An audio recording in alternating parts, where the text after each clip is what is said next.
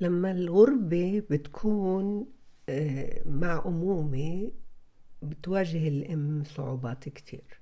هذا معروف وأنا بفهمك كامرأة مغربية عايشة بإيطاليا وعم تشكي إنه عندك صبي عمره ست سنين بتروح على المدرسة بدك تطلبي منهن يوجهوكي بعطوك التوجيه ومرات كتير التوجيه مش مناسب.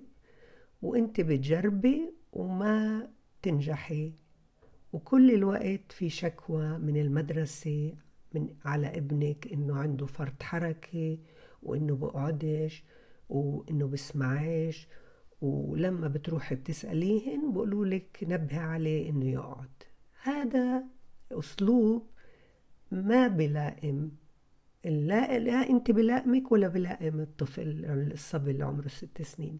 واضح من كلامك إنه هذا الصبي عنده مزاج اللي بحب الحياة برا بحب يكتشف بحب يتعلم من تجاربه بحب ينطنط بحب يركض والمدرسة مش مبنية لمزاج هذا الصبي فشو بصير؟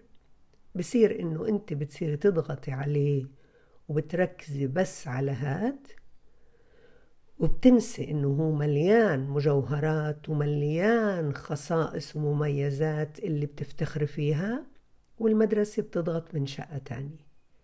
فصبي بعمر ست سنين يعيش هذا الجو الضاغط اللي فيه قاعدين بنطلب منه إنه ما يكون هو ما تكون شخصيته المولودة بمواصفاتها اللي فيها خلق على هالدنيا.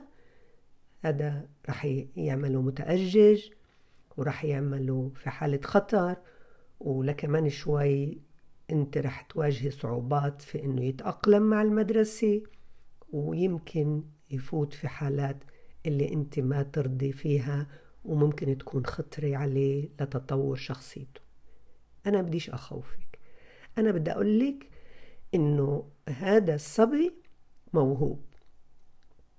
صح. بالمدرسة مش عم بيكون زي ما بدهن المعلمين هذا جانب اللي فيه هو ممكن إنه يرفع من تقديره الذاتي ويبتدي يشتغل على حاله بالمدرسة مع معلمين اللي بحبهن مع مواضيع اللي بحبها.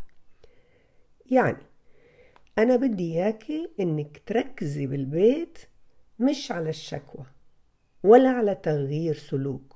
ولا على إني بدي أحطه بقالب وأطبعه كأنه جماد كأنه مش إنسان.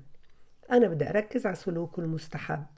شوفي عنده سلوك مستحب من مواهب هوايات يعني سلوك بيئة عاطفية من يمكن التعاطف مع الناس بحب يساعد بحب يرتب بحب يركض بحب يعمل رياضة.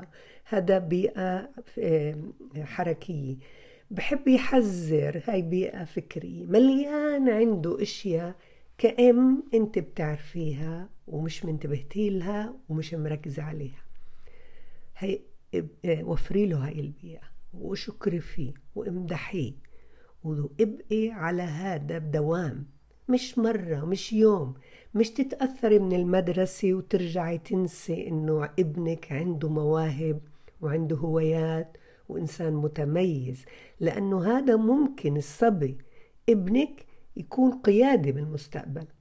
يكون له دور وله شأن في تغيير في الكرة الأرضية حالات مستحبة اللي إحنا عايزينها.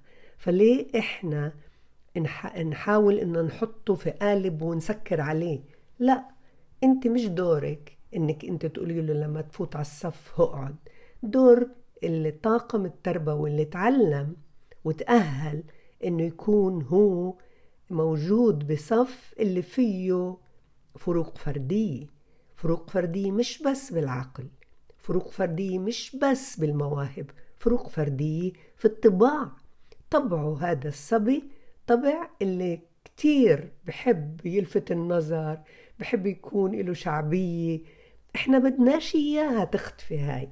إسا كتير منيح إنك بالدراما إنك تحكي على مثلا على كشكش بعد ما تحكي له قصة إذا عندك قصص كشكش أو على أي قصة تتباهي فيه على البطل وتقولي له لو تشوف قديش عم بحاول يكون ولد اللي بعزف حلو صوته حلو لو تسمعوا للبطل بتفوقي على البطل لو تسمعوا هو يسرد قصة. لو تشوف في حصة وتحكيه تمدحيه بحصص اللي هو بحبها. هيك انت. بتكوني رفعتي له تقديره الذاتي أعطيتيه أكسجين كتير تنفيس حركي لأنه ولد بحب الحركة. تنفيس حركي يعني بسجله بنوادي فيها يعمل مسابقات فيها يركض فيها ينط فيها يلحق. كتير هذا بيساعده على إنه يتطور بشخصية سوية سعيدة. وبعدين التنفيس الحركي بيعمل له كمان تنفيس من الضغوط اللي قاعد بتلقاها كل يوم. لأن أنت بتقولي لما كانت ثلاث سنين قبل كانت بخير.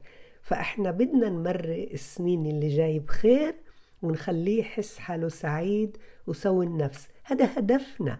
أنت هدفك إنه لما بسألك إيش بدك تطوري بشخصية ابنك بدك إياه يكون مبسوط وبدك إياه يكون سوي. سوي يعني نفسيته مرتاحة مع حاله ويحاول.